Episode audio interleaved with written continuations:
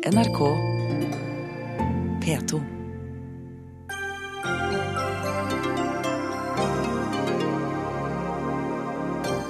Hvis ikke mellompartiene slutter å herje med oss, går hele regjeringen av, truer Frp.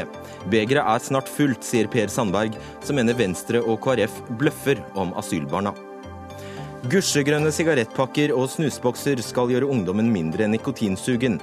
Ikke kall snusen like farlig som røyken, for det er den ikke, sier Unge Høyre. Kraftig kritikk mot bergenspolitiet, som trodde drept åtteåring hadde begått selvmord. Teori ble til slutt sannhet, sier statsadvokat og 650 milliarder skjulte skattekroner avslørt i Sveits. Norske myndigheter ba aldri om lista over nordmenn med rike tanter i Sveits.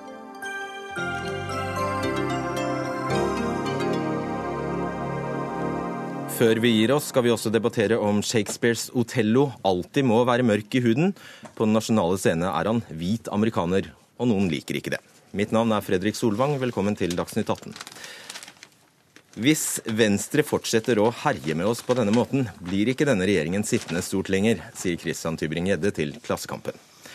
Fremskrittspartiet begynner nemlig å få nok av hardkjøret mot justisminister Anders Anundsen, og beskylder KrF og Venstre for å bløffe om hva de faktisk har blitt enige med regjeringen om når det gjelder asylbarna. Flere lokal- og fylkeslag i både KrF og Venstre sier nå rett ut at de ikke lenger har tillit til justisministeren, og at han må byttes ut. Nestleder i Fremskrittspartiet, Per Sandberg, hvor irritert er du? Nei, jeg greier ikke å irritere meg noe særlig lenger. Jeg prøver å forholde meg til hverdagen på, på samme måte som Venstre og KrF gjør. Hvor oppgitt er du? Vi, vi er også inne i en periode der at vi avvikler en hel rekke årsmøter. Og det Venstre og KrF skal vite, det er at våre fylkespolitikere, våre lokalpolitikere, eh, er akkurat like irritert som Venstre og KrF sine, altså. Og kanskje mer til. For det, altså, det det handler om hos oss, det er det at KrF og Venstre fortsatt har betydelig mer å hente Eh, i et samarbeid med Fremskrittspartiet og Høyre. Og de har fått betalt betydelig i forhold til sin oppslutning. Og det er klart at da blir våre folk der ute irritert, som har gitt til disse to partiene så betydelig. Og så kommer de altså fra sine fylkeslag med resolusjoner om mistillit til, til vår eh, eminente justisminister, som har levert på alle mulige områder, både i forhold til regjeringserklæringa, men også i forhold til samarbeidsavtalen. Så kommer det påstander da, Eh, som jeg registrerer at verken ledelsen i Venstre eller i KrF tilbakeviser. Som for eksempel? Som at vi har brutt en samarbeidsavtale, at justisministeren har brutt en samarbeidsavtale. Det har man ikke gjort. Man har vært i forhandlinger og stilt seg positivt og åpna dører og åpna hender til KrF og Venstre gjennom et helt år for å finne en løsning. Eh, så det å komme med den type påstander, og i tillegg da kalle seg et støtteparti, det stiller våre folk seg nå sterkt tvilende til. Og Du sikter til asylbarna, og der, eh, Ola Elvestuen, nestleder i Venstre. Har vi jo hørt eh, at fylkeslagene nå eh, mener å vite at samarbeidsavtalen og avtalen på utlendingsfeltet er brutt ved at det er blitt sendt ut lengeværende barn. Kan du nå fortelle nøyaktig hvor i avtalen det står? Nei, Det som er uttrykk for i Venstre, er jo en sterk misnøye med den situasjonen vi er i. Det er eh, lengeværende asylbarn som mange har engasjert seg i livene til. De har slått rot rundt omkring i lokalsamfunn i, i Norge. Og så har vi en situasjon der vi har en avtale med regjeringen om at vi skal ha en regelendring der vi skal vurdere disse sakene mer til barnets beste. Og i den perioden fram til den trer i kraft, så har du fått en økt utsending, utsendingsgrad, eh, som er stikk i strid med intensjonen. Og det er da jeg spør deg, Hvor i avtalen står det at det ikke skulle skje? Ja, men Fra Venstre så har ikke vi påstått at eh, det er en brudd på avtalen. Det vi sier er at intensjonen i avtalen Sandberg, er det ikke noen som har påstått det? Jo, men altså, Jeg har ikke lest annet jeg i løpet av tre dager nå at Venstre sine fylkesledere og noen av deres stortingsrepresentanter er klar og tydelig på at det ikke er bare misnøye men i direkte mistillit til vår justisminister fordi at vi har brutt en avtale. Men nå er jeg veldig glad og det er jeg veldig fornøyd med at Elvestuen, nå som er nestleder, slår fast at Fremskrittspartiet ikke har brutt noen samarbeidsavtale. Jeg sier at Intensjonen blant den enigheten vi har, der vi skulle endre den rød-grønnes politikk for å få en mykere politikk overfor de lengende asylbarna, det var hensikten med hele enigheten som vi har. Og Da er det klart at, og da er det klart i den perioden fram til vi skulle få en, en regelendring, som vi også er enige om hva vi skulle få, den har vi fått på plass, så er det klart at, at så har hensikten her vært at du skal ikke øke tempoet med utsending. Nei, men... det, og det er det som nå har, har, skjedd, og det sier også justisministeren. Han endret jo den. at den okay, forrige så, Sandberg, Beskyldningen er at dere har brutt en intensjon i en avtale. Det er beskyldningen. Nei, men det, går ikke an å si det heller. For det er ingen som kan sitte og, i dag og konkludere med at det skulle være 451 eller 449 som var riktig i 2014.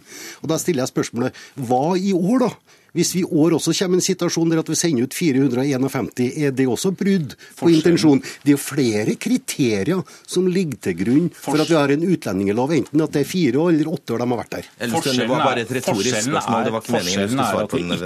forskjellen er at du ikke skal ha en prioritering av utsendelser, som den forrige regjeringen sto for. Og det er vi enige om. Det har vi også gjort. Det er den delen som ikke har blitt gjennomført. At statsråden har gjort det i sitt tildelingsbrev, men det har ikke da blitt effektivert okay, i. Men justisministeren har gjort jobben sin. Kjell Ingolf Ropstad, du er stortingsrepresentant for og det er folk misfornøyd Kjell Ingolf Ropstad, du er stortingsrepresentant for KrF. Hva består løftebruddet i? Jeg tror nok litt av utfordringa i denne saken er at eh, det vi var opptatt av, var å få på plass den varige løsninga i den forskriftsendringa som til slutt kom på plass i slutten av desember. Eh, og så sitter vi her og diskuterer prosess. Vi sitter og diskuterer hva som er skjedd i mellomtida, fra vi egentlig var enige om eh, en endring, til den endringa ble iverksatt. Og Det er jo det som er synd òg, for jeg møter mange som, som, er opprørt på vegne av asylbarn og tenker når skal denne endringa komme igjennom? Og det, det, tror jeg er viktig å få fram. Din egen partileder kan jo ha bidratt til det, da, når han f.eks. sier at det er min forventning at man nå skal sette disse sakene på hold, hvilket da ikke står i avtalen. Nei, det er riktig. Men, men det, som, det som er det store poenget, er jo at når vi var enige om at en skulle redusere hastigheten, eller som Ola Elvestuen riktig presiserer det, at justisministeren og for så vidt statsministeren òg sto i Stortinget og fortalte at nå skal ikke lengeværende barn lenger prioritere sendes ut. Og Det, det er iallfall en veldig tydelig intensjon om at nå skal hastigheten på eh, lengeværende barn som sendes ut, reduseres. Og så har vi òg fått vite de siste dagene at eh, justisministeren har vært veldig opptatt av måltallene, men han har ikke en gang sagt ifra til, til møte med f.eks. POD råd om at en må være obs på at en ønsker hastighet ned på, på asylbarn. Og Det er det som har vekka eh, misnøye i KrF. To ting. Det er Stortinget som har gitt beskjed til justisministeren og regjeringa om at måltallene er viktige. Hvis ikke justisministeren hadde hatt det som en prioritet, så hadde han fått kritikk fra Stortinget. Da hadde det vært rettmessig kritikk, faktisk, hvis ikke han hadde hatt det. Og for det andre så er det altså sånn at vi har vært enige hele veien. Det som har vært problemet, det er at KrF og Venstre har skifta posisjon. I januar i 2014 så var vi helt enige om teksten i forskrift. Men så hørings, eh, kom høringsuttalelsene som slo i hjel den forskriften. Så fikk vi en engangsavtale i juni som er fulgt opp. Og så er det altså ikke sånn at det er sagt Jo, eh, eh lengeværende foreldre da, med barn med ulovlig opphold, vil jo jeg si da, ikke asylbarn de har ikke hatt prioritet. Under Arbeiderpartiet sa de det. Og det var jeg også enig på det tidspunktet. For at de sitter for lenge. Da ville vi skape forutsigbarhet for å sende dem ut raskest mulig. Det har vi endra. Men det betyr ikke det at eh, lengeværende foreldre med barn med ulovlig opphold ikke skulle sendes ut. Og det er jo den diskusjonen. Sandberg, bare litt tilbake til, eh, til den misnøyen som nå eh, brer seg. Altså, eh, Både på grasrota og i KrF og Venstre så kommer det nå resolusjoner. Stiller de mistillit mot justisministeren, faller hele regjeringen, sier Tybring-Edde. Er du enig? Nei, altså Tybring tar den opp på vegne av det mange i vårt parti tenker. Men, men, jeg vil jo si at det er jo mer opp til KrF og Venstre. Da. Det er klart at uh, Vi er meget stolt av vår justisminister, som gjør en fabelaktig jobb, også når det gjelder på asylfeltet. Han har levert over forventning. Men det er vel ingen tradisjon her for at man, nei, nei, men jeg, jeg, tror, jeg, tror, ikke, Der har jeg tillit til at eh, ledelsen i Venstre og KrF forholder seg altså, til et avtaleverk. Og så tror jeg at både Venstre og KrF har mye mer å hente på at vi sitter i regjering, enn at de slipper Jonas Gahr Støre, for å si det rett ut. Og Derfor har jeg tillit til at det kommer ikke noe mistillit ja. eller noe sterk ja, misnøye. La oss avklare det. Er dere nå klare til å kverke denne debatten Nei, som nå pågår to, i partiene deres? Det er to deres? forhold som, eh, som nå diskuterer. Det er jo én sak som går i Kan du bare svare på det? det Vil dere legge den ballen død? Det er en som, Den misnøyen som er der, den er der. Eh, og Det vi må få til, er jo en politikkendring som gjør at du nå Vi har engangsavtalen, den går sin gang. Det har nå gjort at eh, det er vel 48 barn som, ja, men kan du bare, Unnskyld, Elvesund. Kan du bare svare på om dette til syvende og sist kan ende med mistillit fra dere? Nå pågår det en prosess i kontroll- og konstitusjonskomiteen som handler om forholdet mellom regjering og storting.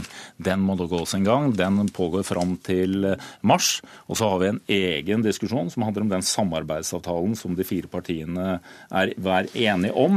Og da er det gjennomføringen av den som det handler om. Og da handler det om denne Du må jo kunne svare på spørsmålet fra programlederen, uavhengig av hva kontroll- og konstitusjonskomiteen eh, på Stortinget gjør.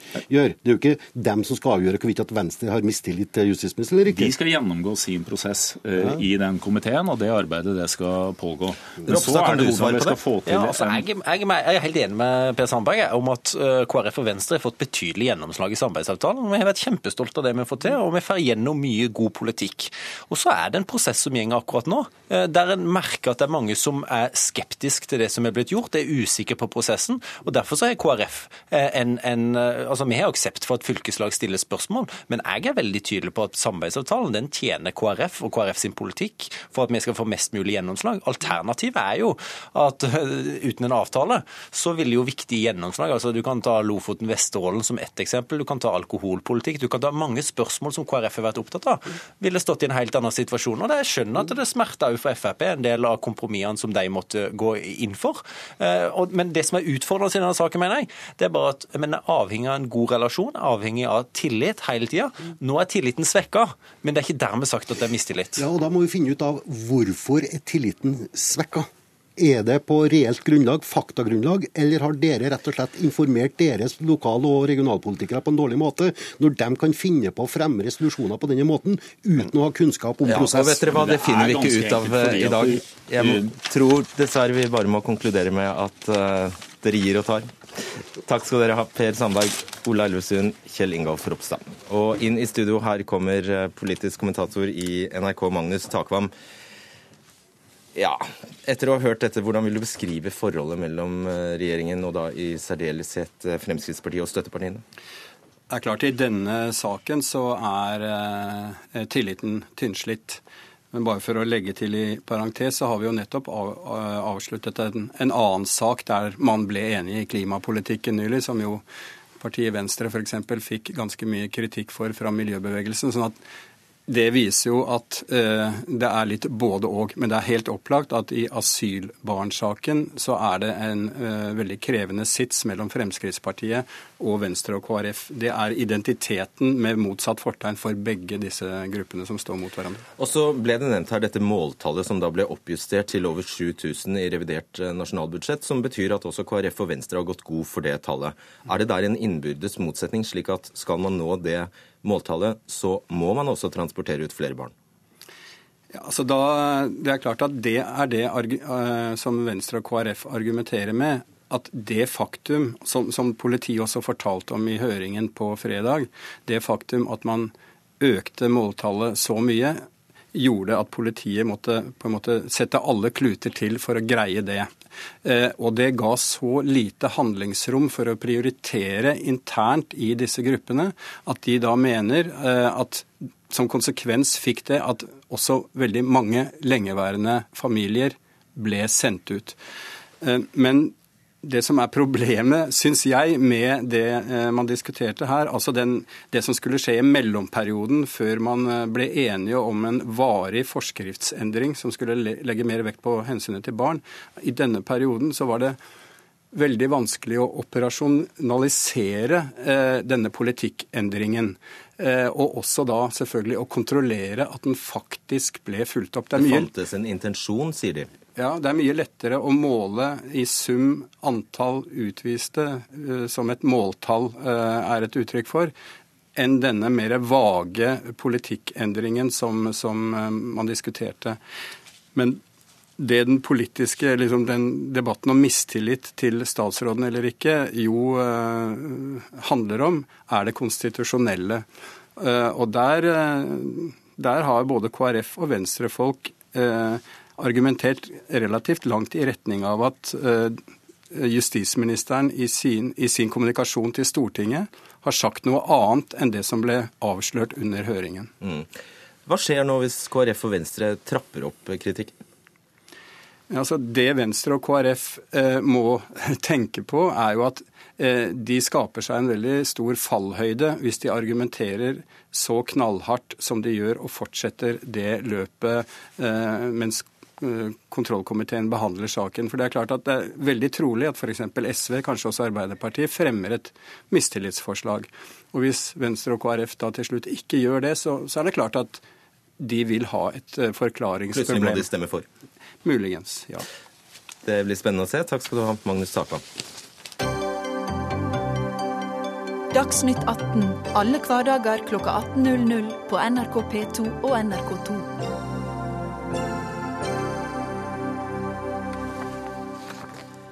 Fargerike, trendy snus- og røykpakninger som appellerer til ungdommen, skal endres til mørkegrønne, nøytrale pakker som ingen vil ha. På den måten vil helse- og omsorgsministeren hindre rekrutteringen av unge snusere. Men det er bedre at folk snuser enn at de røyker. Det mener både snusimportøren og Unge Høyre. De skal vi høre mer til eh, straks, men Bent Høie, helse- og omsorgsminister, eh, hvorfor kommer dette forslaget nå?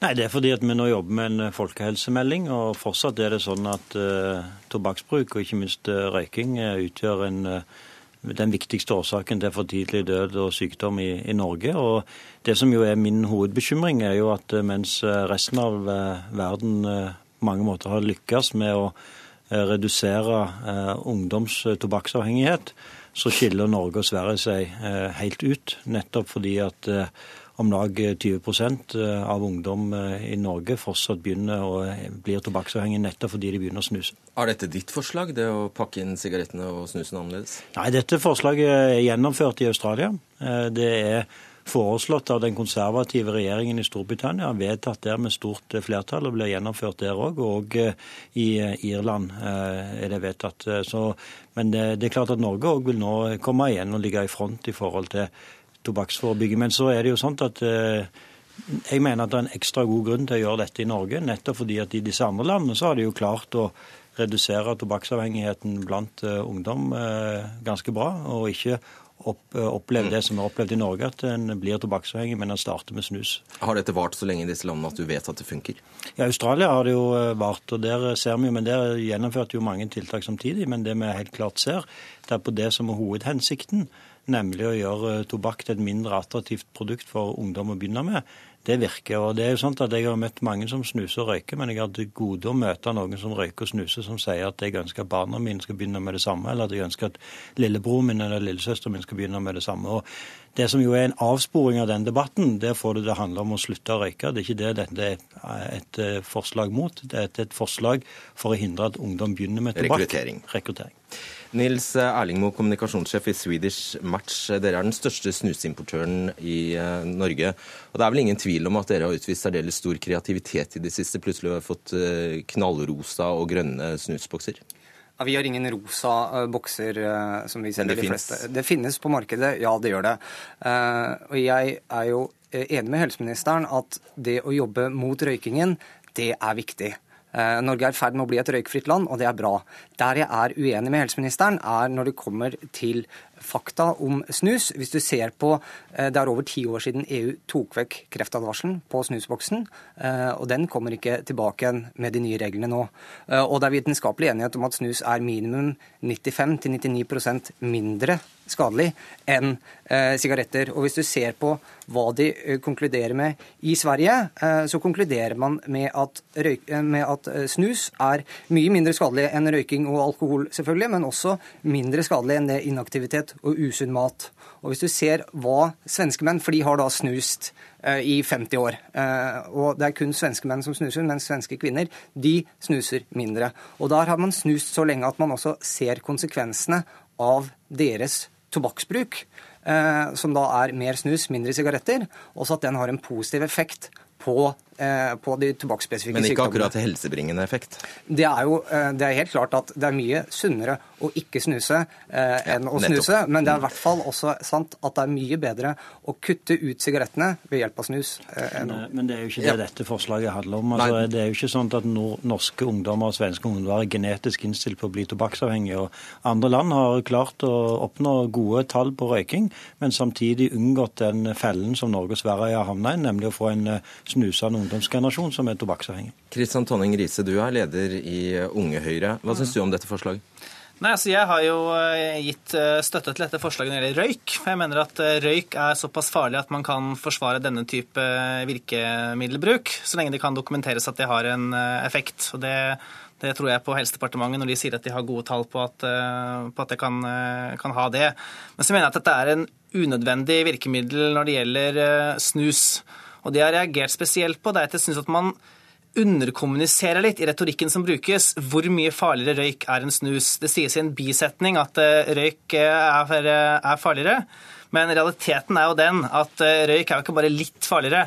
Røyk er 100 ganger farligere, farligere enn en snus. Altså Her snakker du om ett produkt på den ene siden som tar livet av halvparten av de menneskene som uh, bruker den. Og så har du et annet produkt på den andre siden hvor du kan redusere risikoen med en hundredel hvis man går over fra det ene produktet til det andre.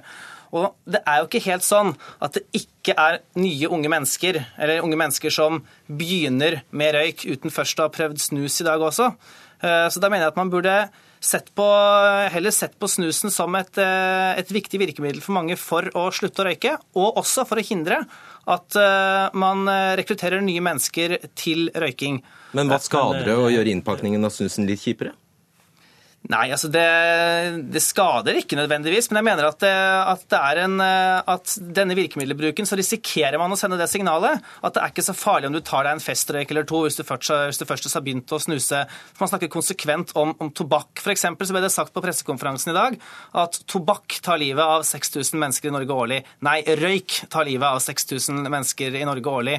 Og når man bruker denne retorikken og nekter å forholde seg til at du snakker om to ulike produkter her som er så, eh, har så diametralt forskjellig farlighetsgrad at det nesten ikke går an å sammenligne det, så mener jeg at man er, står i fare for å lage en retorikk som kanskje gjør folkehelsen en bjørnetjeneste ved å sende unge det signalet at det er egentlig ikke så farlig om du røyker eller snuser. Ser du det poenget, Høie? Ja, men altså, Dette er et resonnement som bygger på en logisk brist. Nemlig at uh, hvis ikke ungdom hadde snus, så hadde de røykt. Og Det er jo det som er hele feilen. Da hadde de latt være å bruke tobakk. Uh, og Hele hensikten med dette forslaget er å hindre ungdom å bli tobakksavhengige avhengige. Og det er ikke, dette er et forslag som ikke berører valgfriheten til de som allerede røyker og snuser. Det innebærer ikke mer byråkrati. Det er ikke noen store kostnader for eh, samfunnet. Det eneste som er Men La oss høre med Erling Moe om det. Har det ekstra kostnader? Altså det, som er, det, som er, interessant her, er at uh, man, man, snakker om at snus uh, ikke henger sammen med, med, røyking. Og det er få uh, Helseministeren har helt rett i at røyking går ned i de fleste land, og det er jo udelt bra.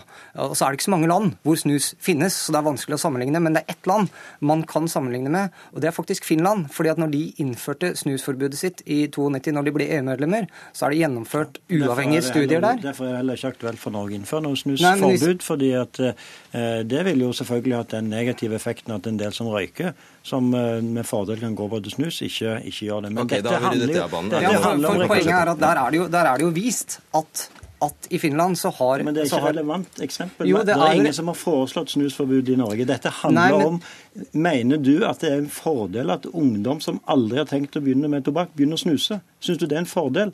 Det beste man gjør, er å ikke begynne med noen form for tobakk og nikotin. Og, det er veldig lurt å unngå at de produktene de... fremstår som attraktive for unge. Så det er vi jo helt enig i. Du burde jo støtte dette tiltaket. Nei, absolutt ikke. Det vi mener om, er at, at man ikke klart skiller mellom snus og sigaretter i forhold til når man kommuniserer omkring dette her. Og det å sause sammen eh, snus og, og sigaretter når det er så store og forskjellige eh, skadevirkninger, og ikke minst fordi at snus faktisk, og det er bevist, at snus hjelper folk å slutte å røyke. Vet du hva? Jeg skal... Snus er kreftframkallende, ja. det er helseskadelig, og advarselen vil bli ensa til at eh, endra måte det er helseskadelig, og det er kreftframkallende. Riise, du skal få alles historie. Jeg, skal være, jeg er veldig enig i at det er veldig mange mer inngripende virkemidler man, man, kunne brukt her, og jeg er veldig glad for at Bent ikke har gått inn, gått inn for de. Men så, så mener jeg like fullt at det er viktig å bygge opp om dette skillet mellom eh, røyk og snus. Og det er altså sånn at eh, i Sverige, som, eh, som i hvert fall er, er altså verdensmestere i, i snusbruk, så Der har man også klart å få den laveste andelen av tobakksrelaterte kreftformer i, i hele verden. Dessverre, og Det har man gjort fordi at man har klart å også redusere antall røykere med mer enn resten av verden. Da må jeg rett og slett, slett si takk til dere, Bent Høie, Nils Erlingmo og Kristian Tonning Riise.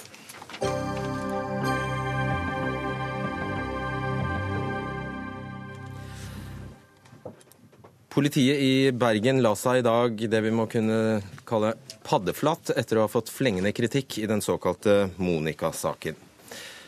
I november 2011 ble åtte år gamle Monica Sviglinskaja funnet død, hengt i et belte i sitt eget hjem på Sund utenfor Bergen. Selv om det var spor etter innbrudd, konkluderte politiet med at åtteåringen hadde begått selvmord og henla saken. Bjørn Soknes, du er eh, førstestatsadvokat i uh, Trøndelag og leder utvalget som fikk oppgaven med å kartlegge hva som gikk galt, og skrive denne rapporten. Hva er etter din mening de alvorligste feilene som ble begått i Monica-saken? Det første var jo at saken ble henlagt eh, sommeren 2012 som et intet straffbart forhold. Altså at man mente at eh, det var ført bevis for at Monica hadde sitt eget, hadde tatt sitt eget liv. Det var feil. Så var det feil at eh, de allerede ved starten av etterforskningen la til grunn som hovedteori at det samme hadde skjedd. Og det, det dramatiske var jo at hele etterforskningen eh, bar preg av å få stadfesta den teorien. En følgefeil. En følgefeil, ja. Og da ser vi at en del etterforskningstiltak ikke er gjort, og en del etterforskningsforhold ikke er blitt fulgt opp. Og det har nok eh, prega På mange måter så, så gikk saken fra å være en hvor de sa at hovedteorien var et selvdrap, til å bli en konklusjon på at det faktisk var det.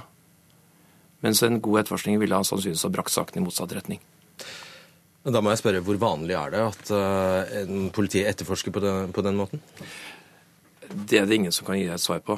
Uh, jeg tror jeg kan si at det, det sikkert ikke vanlig skjer. La oss håpe det. Ja. Et vindu var knust, og jentas mobiltelefon var borte. Likevel konstaterer altså etterforskerne at jenta har dødd for egen hånd. Eh, hva slags forklaring får dere på at politiet holdt fast på teorien om selvdrap? Altså, nå har vi vært en, eh, en, arbeidsgruppe som har prøvd å se inn i det som har skjedd. Vi har brukt en to-tre måneder. Og vi har faktisk ikke klart å gi noe fullgodt svar på det. Nei. Det er det ærlige svaret. Vi har brukt mye tid på det. Hvor var det det gikk feil? Hvor var det at noen for det første trakk en feil hovedkonklusjon eller en teori? Og hvorfor ble ikke den korrigert underveis? Det har vi altså faktisk ikke klart å gi noe godt svar på. Har de ikke prøvd seg engang? På hva da? De dere har eh, snakket med? Har de ikke prøvd seg på ja, forklaringen? Nei, ja, men det, vi har i hvert fall ikke fått noe godt svar. Nå, jeg får ikke så godt svar at vi har eh, ment at det var verdt å, skrive det som en, eh, som en godt begrunna hypotese. Eh, og Bergenspolitiet de fortsetter jo da å tro på noe så usannsynlig som at ei lita jente tar sitt eget liv, og holder fast på det, selv om flere personer kommer med opplysninger om at det kan være mannen som nå er siktet. Kan du forklare hvorfor eh, politiet er så uvillig til å gjenoppta etterforskningen?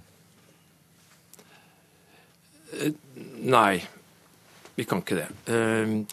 Og Det har for så vidt ikke heller vært vår oppgave eh, hvorfor de ikke tar imot denne varsleren, som vi har valgt å kalle den, på en eh, bedre måte. Han kommer da til, eh, til, lederen for etterforskningen i januar i 2014 og sier at han har en del tanker rundt saken og avgjørelsen av saken. Har skrevet et veldig fornuftig notat som, som blir lagt frem både for påtaleansvarlig og for politimesteren, og, og det resulterer til å begynne med i ingenting. Og Så skjer det videre at uh, denne samme etterforskeren, varsleren, altså da går til bistandsadvokat. Det blir uh, gjennomført en utredning uh, fra en tidligere Kripos-etterforsker, Asbjørn Hansen. Og så blir det da framsatt en formell gjenopptakelsesbegjæring fra bistandsadvokaten, som da etter hvert blir, resulterer i en gjenopptakelse. Da er vi på sommeren, eller mai 2014. Tre år. Eller to år. Ja. Dette høres jo ut som enten latskap, dårskap eller inkompetanse. Ja, i hvert fall så er det feil. Ja. Og det er det vi har prøvd å bruke litt tid på, og funnet ut uh, hva kan vi gjøre med det. Uh, alle kan ta feil. Det som er viktig, er at man har rutiner som gjør at feilen blir oppdaga og feilen blir korrigert. Mm. Har du tenkt å bore videre i dette, eller er du fornøyd med de ikke-svarene du får? Nei, altså ideelt sett skulle vi selvfølgelig hatt svar på det meste av det vi har eh, grunna over og fundert over. Eh, når vi ikke har greid det, så håper vi at den hørings, høringsrunden som nå Riksadvokaten skal sette i gang, gir oss svar på det. Vi har en del læringspunkter som eh, absolutt vi mener er gode, men akkurat svaret på hvorfor det gikk feil i den konkrete saken her, det har vi ikke klart gitt. Mm. Hva er de viktigste læringspunktene? Læringspunktene er rett og slett kompetanse. At noen skal klare å se utenfra når det går galt, og ta konsekvensen av det. At, at etterforskningsgrupper settes sammen av folk som er villige til alle å bruke sin, sine kvaliteter, og også undring og si ifra hvis de mener at det er noe som ikke er riktig. Har dere undersøkt om den feilaktige henleggelsen var resultatet av en ukultur i Bergen politidistrikt? Det har vi ikke sett på, og det har vi heller ikke noe grunnlag for å mene at det er. Knut Erik Sæther, du er assisterende riksadvokat. Som vi hører utvalgslederen sier at han ikke har mandat til å undersøke om dette skyldes en ukultur, eller om det er en ukultur i Bergen politidistrikt. Er det noen som helst andre som eh, er interessert i å finne ut om det finnes en ukultur? Ja, nå kommer det litt an på hva man mener med ukultur. Men da vi ble kjent med Monica-saken gjennom media, så tenkte vi to ting. For det første, denne saken formelig roper på å bli undersøkt nærmere for å identifisere mulige læringspunkter. Det var det ene. Det er det vi har gjort nå. Det andre vi gjorde, det var å gi et direktiv til politiet i det ganske land om at når de har etterforsket et mistenkelig dødsfall, går inn for å henlegge saken, så skal saken nå til statsadvokaten, som vurderer nærmere om henleggelse er det riktige eller ikke. Ja, Det er en ny rutine? Det er en ny rutine eh, som nå vil gjelde, gjelde, på, gjelde, landsdekkende. Og Hele formålet med den rutinen er nettopp å sørge for en konsekvent kvalitetssikring av arbeidet som politiet gjør i denne type saker. Det er et helt nødvendig skritt hvis man skal angripe dette i sin fulle bredde, og utover det vi kan lære av en enkelt sak. Mm. Denne rapporten forteller jo altså om, eh, om, at ingen blir hørt, egentlig. Eh, hvor alvorlig er det for påtalemyndigheten? Ja, Nå følger jo at det initiativet vi har tatt, eh, bidrar nettopp til at, at man blir hørt, i den forstand at saken blir unngitt en nærmere og kritisk vurdering. Og Sammen med disse generelle retningslinjene som jeg sier, så mener vi at vi vil bidra til å kvalitetssikre etterforskningen i saker om mistenkelig dødsfall på en helt annen måte enn før. Mm. Og Vi har invitert eh, politiledelsen i Bergen, men ingen derfra ville stille. Men politimester Geir Gudmundsen uttalte følgende på en pressekonferanse tidligere i dag. Hordaland politidistrikt vi skal gjøre det vi kan for å forebygge at noe, noe slikt som dette her vil skje igjen. Eh, jeg også forstår at det har vært en ekstrem belastning eh, for Monikas mor. Eh, og jeg vil igjen beklage på det sterkeste den ekstrabyrden politidistriktet har påført henne. En beklagelse altså, Olav Rønneberg, krimkommentator her i NRK. Hvordan syns du politiet framsto i dag? Mange vil nok mene at politiet i Hordaland fremstår som eh, svekket, og at tilliten til de er svekket eh, med denne konklusjonen fra granskningsgruppen. De får altså krass kritikk både for dårlig etterforskning, for etterforskningsledelse eh, og for en påtaleavgjørelse på sviktende grunnlag. Og også kritikk behandling av denne varsleren, som da først varslet til sine overordnede, etter hvert ble bedt om å skrive et brev til politimesteren. Likevel ble altså hans advarsler ikke fulgt opp. Og Politimesteren eh, innledet pressekonferansen med at eh, dette var en etterlengtet eh, rapport, men de får jo juling i rapporten. Var den etterlengtet fordi det er godt, og, fordi det er godt etter at julinga er overstått? Det var nok etterlengtet, fordi nå kommer konklusjonen på bordet. Det er klart Jo lenger tid denne debatten ville fortsette å gå, jo mer skadelig ville det være for politidistriktets omdømme. Eh, men det er jo all grunn for politiledelsen her til å ta denne rapporten på alvor, også for politimesteren selv. Eh, vi hører han er tydelig i beklagelsen til Monikas mor, litt mer forbeholden i beklagelsen til varsleren. Og han sier lite om hvorfor han som politimester ikke fulgte opp den rapporten han fikk på bordet. Og så hører vi førstestatsadvokaten uh, si at de ikke har funnet noe skikkelig svar på hvorfor de holder fast ved den rare teorien så lenge. Uh, hva, hva, hva, hva er ditt inntrykk? Det er oppsiktsvekkende at man her ikke har kunnet gi noe svar på hvorfor man så tidlig låste seg fast i denne selvdrapsteorien, hvorfor man fulgte den, og hvorfor ingen underveis stilte spørsmål ved om det var riktig. Vi vet jo at politiet i mange saker i en slik etterforskning starter ut fra verstefallsteorien. Kan det være en drapssak? Undersøker alle muligheter der, for da eventuelt å munne ut i den andre enden. Eh, det er jo slik mange vil mene at det skal gjøres. Kan noen måtte gå? Det er tidlig å si hva som blir konklusjonen her. Nå har vi denne rapporten på bordet. Så kommer det neste uke en konklusjon fra Spesialenheten for politisaker, som skal undersøke om noen har gjort noe straffbart her. Og så skal Politidirektoratet gjennomgå hva som egentlig foregikk i denne varslingssaken, og hvordan han ble behandlet. Summen her eh, kan bli alvorlig for ledelsen ved Hordaland-politiet. Takk skal dere ha, Knut Erik Sæther, Bjørn Soknes og Olav Rønneberg.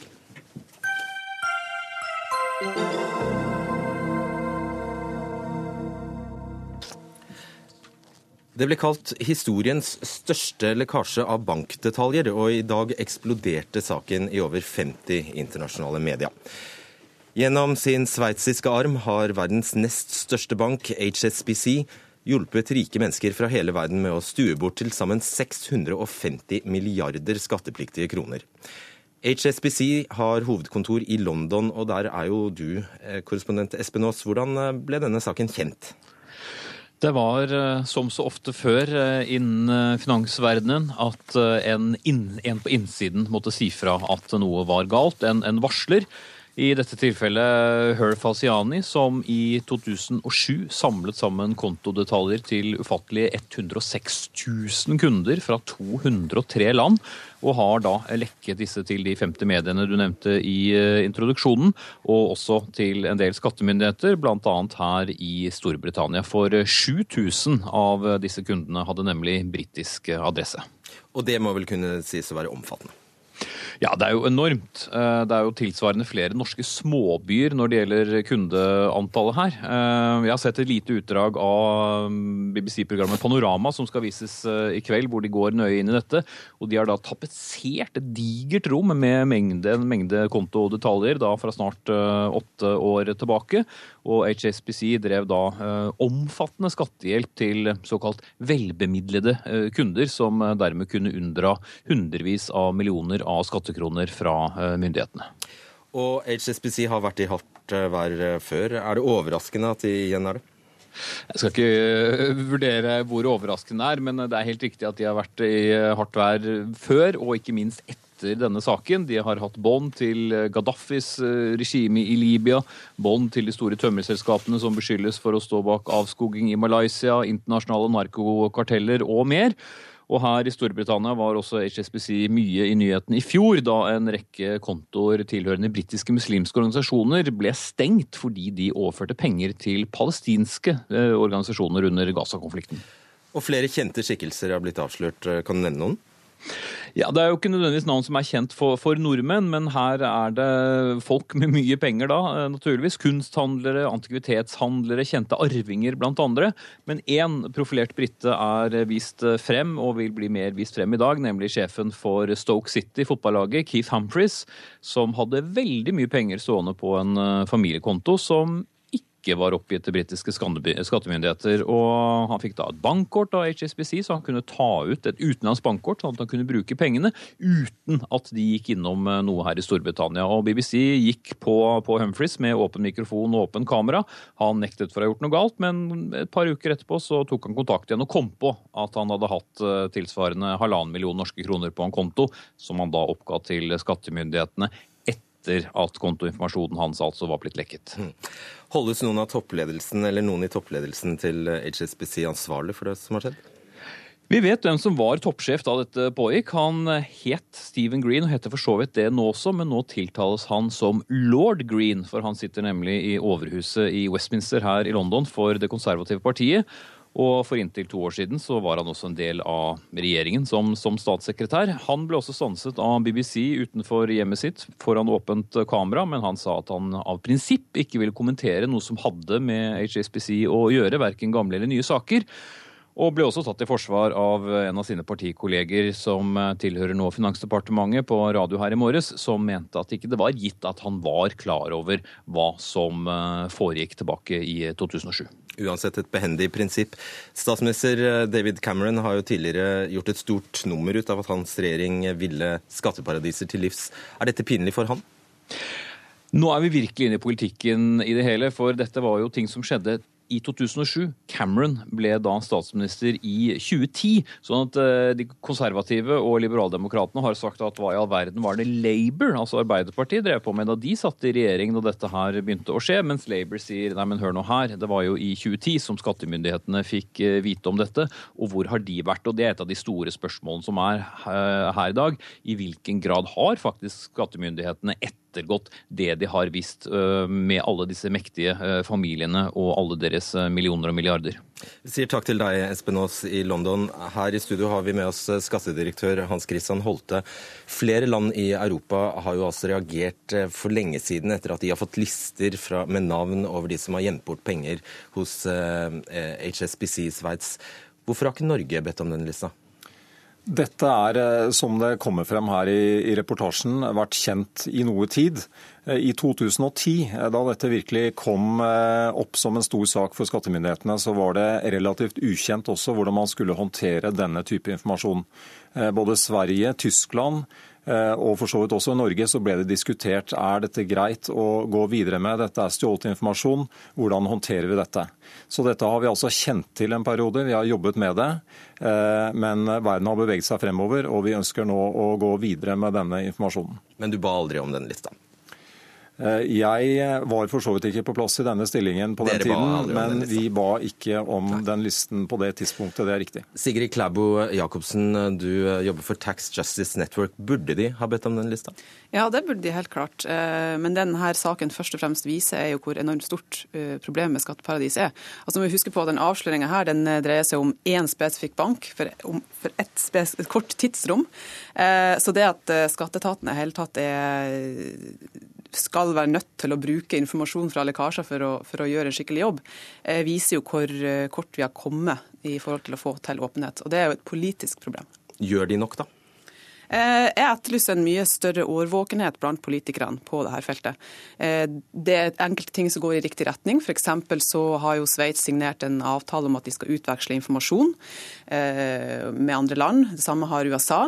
Men vi vet jo ikke kvaliteten på den informasjonen før vi har den. Og Sveits vet vi f.eks. kommer til å har selv sagt at de skal velge ut hvilke land de føler de er, som de mener er verdig å gi den informasjonen til. Og Foreløpig er det uklart om Norge kommer til å komme på den lista.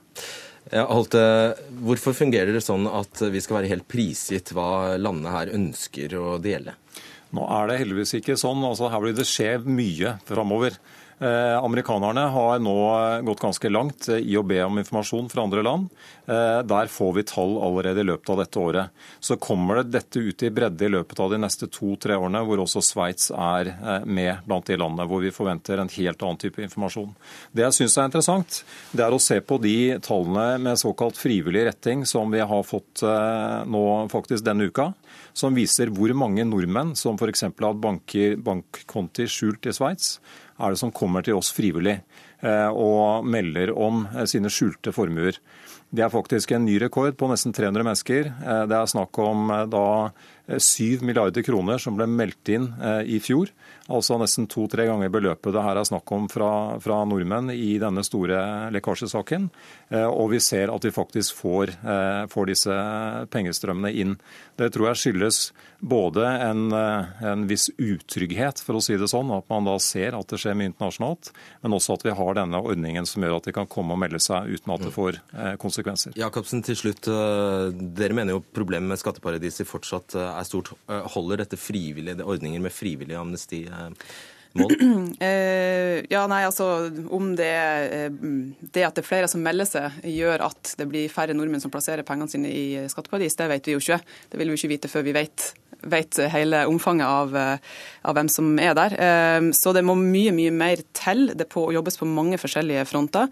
Et interessant eh, initiativ som har kommet nå, er jo at KrF og Arbeiderpartiet har nylig fremma et forslag om å få til mer åpenhet i eierskap i Norge. Og det er en viktig del av det her Selskapet på børsen? Selskapet på børsen, men også videre å, å få avsløre utenlandske eiere. Så det er en del av den å, å slå en hull på, på hemmeligholdsindustrien som er globalt. Skulle gjerne hatt mye mer tid, men dessverre. Takk til dere, Hans Christian Holte og Sigrid Klæbo Jacobsen.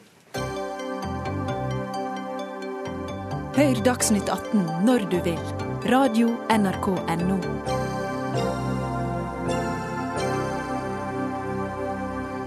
Den nasjonale scene i Bergen har valgt den hvite amerikanske skuespilleren Bill Pullman til å spille hovedrollen i Otello.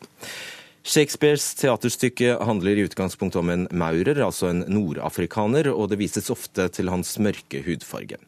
Den nasjonale scene forstår ikke samfunnet den produserer kunst for, skriver du, litteraturviter eh, Lisian Scheng i Dagsavisen. Hvorfor er dette et galt kunstnerisk valg? Ja, Det er flere grunner for det. Men jeg tenker først og fremst at casting skjer ikke i et vakuum. Så vi kan ikke, vi kan ikke glemme at uh, skuespillere med synlig minoritetsbakgrunn har og opplever tydelige utfordringer med å komme på de store norske scenene. Um, og å bare kaste bort en mulighet og faktisk gi en en sjanse for å spille en stor rolle på en stor institusjonell teater i Norge, det er et veldig lite klokt valg. Agnete Haaland, teatersjef ved Den nasjonale scene. Dere skriver jo selv på hjemmesidene at stykket bl.a. handler om det stadig aktuelle temaet rasisme. Hvordan kan dere da lage en forestilling om rasisme når, når Otello er hvit? Altså For det første så handler ikke denne forestillingen om rasisme. Vi har valgt å lage en forestilling og tolke det inn helt andre elementer, legge vekt på helt andre elementer i Shakespeare sin tekst. Vi har valgt å legge vekt på hat, svik, sjalusi, meningsløs hevn, det at det er en kriger som kommer til et samfunn hvor han ikke hører hjemme. Han har et helt annet temperament. Ja, det er greit, Men dere skriver altså det stadig aktuelle temaet rasisme handler ja, stykket om. Ja, men ikke i denne forestillingen. Det vi som står på hjemmesiden, er at denne forestillingen ofte uh, brukes for å ta opp temaet rasisme. Vi har valgt å ta tak i noe helt annet i vår forestilling. Jeg har lyst til å si at jeg skjønner godt kritikken ut ifra synet om at vi ønsker å få et mer mangfoldig bilde på norske scener. Norsk teater har vært blenda hvitt helt siden oppstarten. Men i vår produksjon av Hotellet så vil jeg si at det at vi har valgt å fokusere på en annerledes person, er det som er det kunstneriske valget. Vi har, en, vi har to statister med. En er født i Etiopia, en er født i Norge. Så vi har på en måte flere hudfarger med i forestillingen, men det er helt uvesentlig. Det som er viktig, er de menneskene som er valgt ut til å spille rollene. Norsk teater vil ikke komme fremover og på en måte gi det bildet som her etterlyses, før vi faktisk kan se en svart skuespiller som Per Gynt, men ikke nødvendigvis som Otello.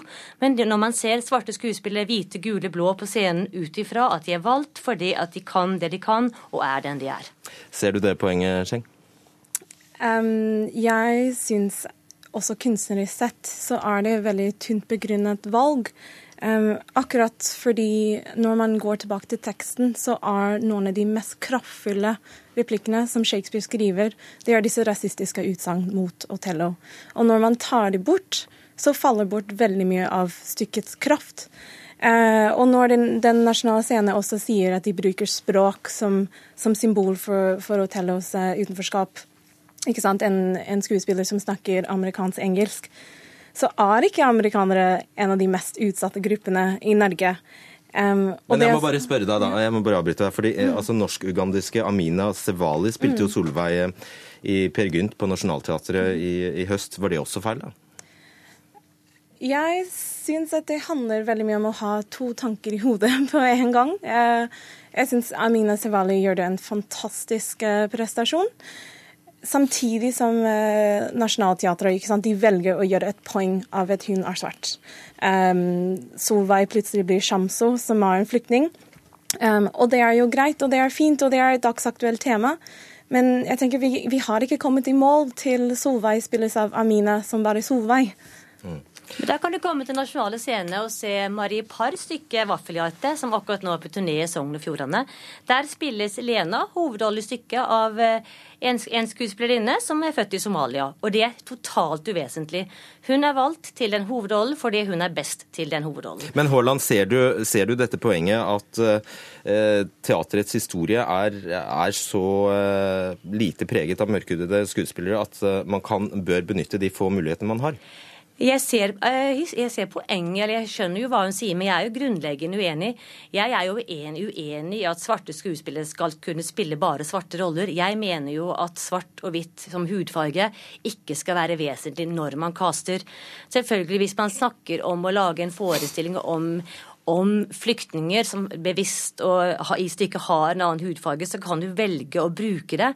Men ikke, det som er viktig, er jo hvem, hvilken historie vi forteller. Og vi har virkelig valgt ved vår Otello å fortelle en historie hvor veldig mange av de såkalt rasistiske shakespearske utsagnene som du etterlyser, faktisk er endret på.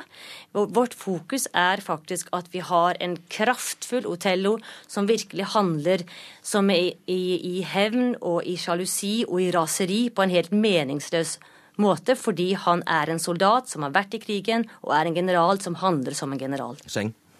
Ja, og som akkurat mister poenget med det, at uh, man kan bruke teater som en viktig pådriver for viktige samfunnsdebatter som rasisme og diskriminering i det norske samfunnet. Jeg syns uh, den norske scenen har vært veldig veldig sløv her, rett og slett. Kunstnerisk og politisk. Men vi snakker om to temaer her. Vi snakker om om vi har valgt korrekt kunstnerisk på Hotello, som jeg mener vi har. Og så snakker vi om norsk teater generelt, som er ganske blenda hvitt, og hvordan man da tenker. Så man må skille de to tingene. Jeg syns at Bill Pullman gjør en fantastisk innsats som hotell, og inviterer deg virkelig til å komme og se forestillingen, så vil du skjønne hvorfor vi har valgt ham til å gjøre denne rollen. Men se også på de andre forestillingene men, men, våre. og se hvordan vi har tenkt. deg, altså Bill Pullman, Pullman har jo sagt selv at han kunne ikke spilt Otello i USA. Det må jo si deg noe? Ja, det er interessant, og det sier jo noe om USA. At eh, der er det slik at svarte skuespillere fremdeles er først og fremst tiltenkt svarte roller, hvis dette er riktig fra Bill Pullman sin side. Jeg syns jo det er viktig at vi som teater i Norge faktisk er fargeblinde når vi kaster. Jeg, kan jeg si noe? jeg syns det er veldig pinlig faktisk at uh, man tenker på rasisme som noe som skjer bare i USA. Ja, men Det har jeg Det- jo aldri sagt. Rasisme Ja. skjer jo i Norge hver bidige Ja, men som du skriver, for, eller som du sier i Dagsavisen i dag f.eks., at uh, kanskje det er mer naturlig å ha en mørkhudet Otello i USA pga. USAs historie. For meg er det en fornektelse av Norges veldig konfliktfylte historie når det gjelder raserelasjoner, og en fornektelse av den diskriminering som mange personer med minoritetsbakgrunn, både skuespillere og andre, føler seg på kroppen hver dag. Dere blir ikke enige, men eh, kanskje vi alle kan gå og se hotellet på den nasjonale scene. Takk til Agnete Haaland og Lisian Scheng.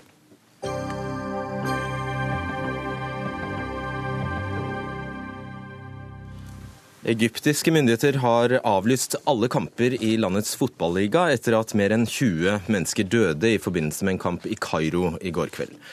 Og dette var en av de aller første kampene som har vært åpne for tilskuere siden 2012, da over 70 fotballtilhengere ble drept i sammenstøt i byen Port Said. Fotball og politikk kan henge svært tett sammen i Egypt, der fotballtilhengere spilte en viktig rolle da president Mubarak ble kastet under revolusjonen i 2011. Eh, Vi skal først høre med deg, Mari Nordbakk. Eh, Du jobber ved Christian Michelsens institutt i Bergen, og du bodde i Kairo under revolusjonen. Og du var der også under det seneste militærkuppet i 2013. Hvorfor er fotball så politisk i i Egypt? Vel, Først og fremst er det veldig viktig å huske på at eh, under Mubarak så var eh, eh, offentlige protester eh, slått ned på.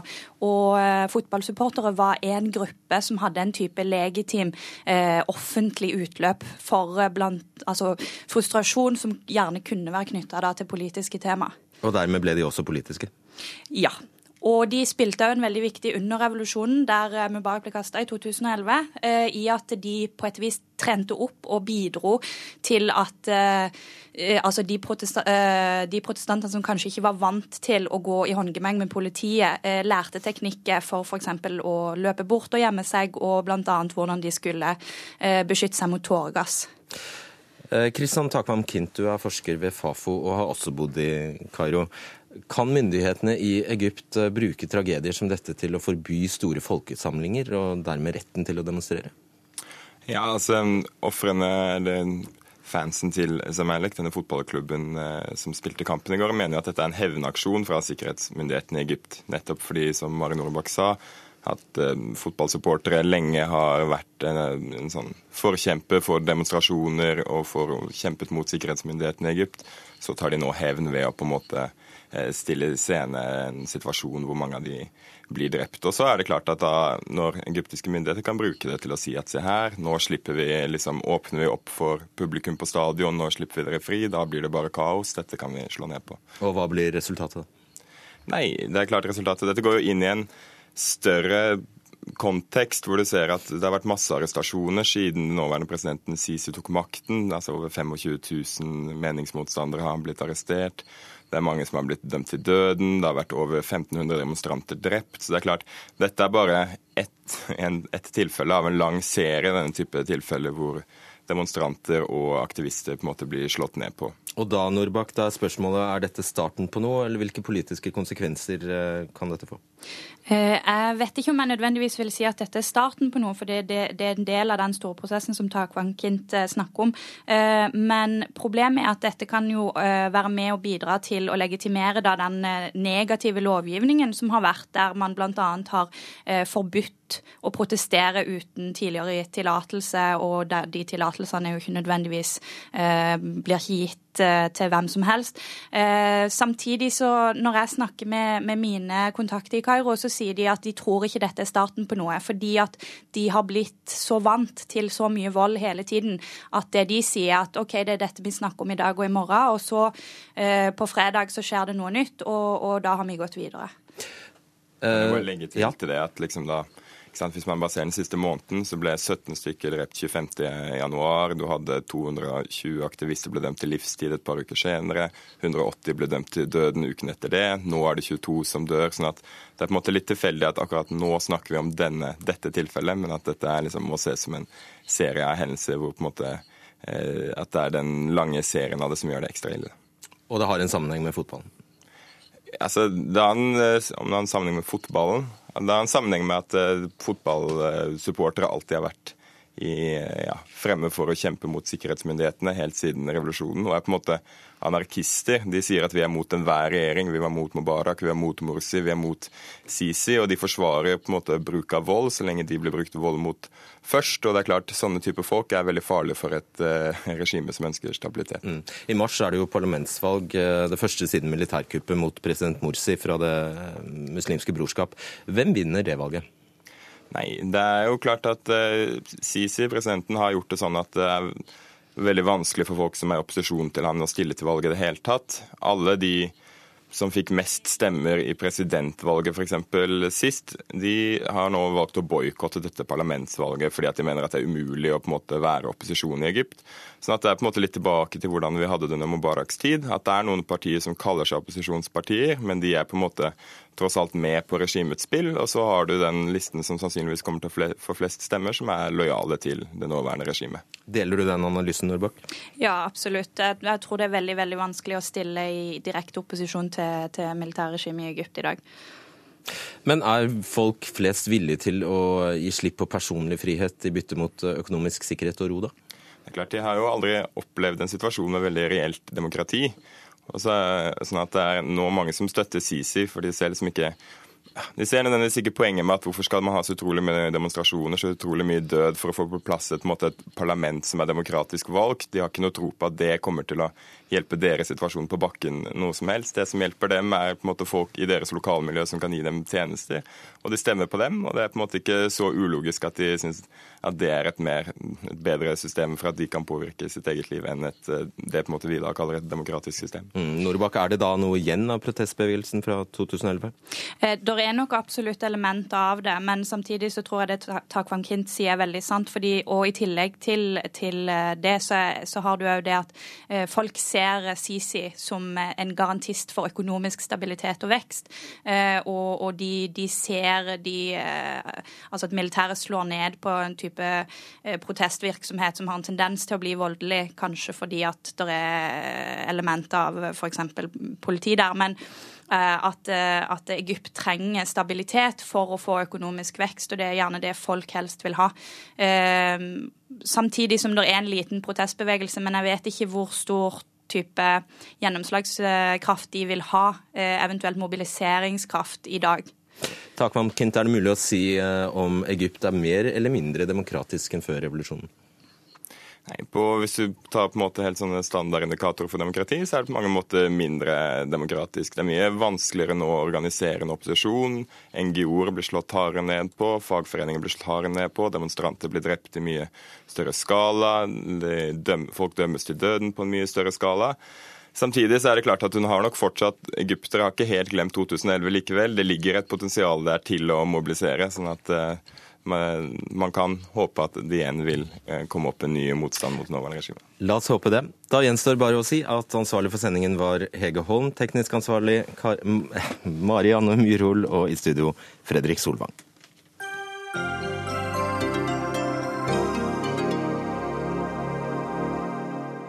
Hør flere podkaster på nrk.no podkast.